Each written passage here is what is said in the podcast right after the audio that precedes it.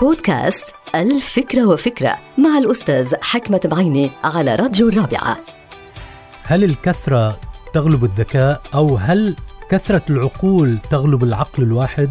سمعنا كثير أنه الكثرة تغلب الشجاعة ولكن هناك من يعارض هذا الرأي لأن الشجاعة الحكيمة أي غير المتهورة يمكن تتغلب على الكثرة بالحنكة والصبر وأحيانا بالانسحاب التكتيكي من المواجهة. وذلك إذا تبين أن الكثرة الهمجية ستتفوق على الشجاعة.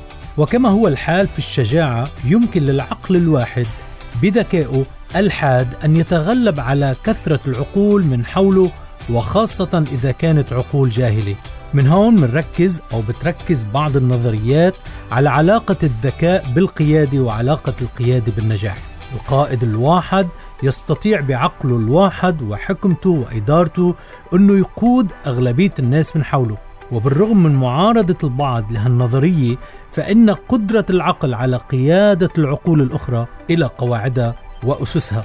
ومن هذه القواعد أن يتفهم هذا العقل يعني العقل القيادي أن يتفهم العقول الأخرى ويتفاهم معها على مستوى قدراته وإمكانياته.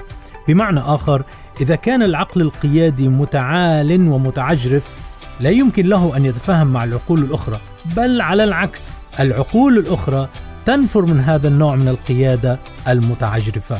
وبناء على ذلك نستنتج أن كثرة العقول يمكن أن تغلب عقلا واحدا إذا كان هذا العقل متعجرف وغبي ولكنها لا تستطيع أن تغلب عقلا واحدا إذا كان هذا العقل متواضع وذكي.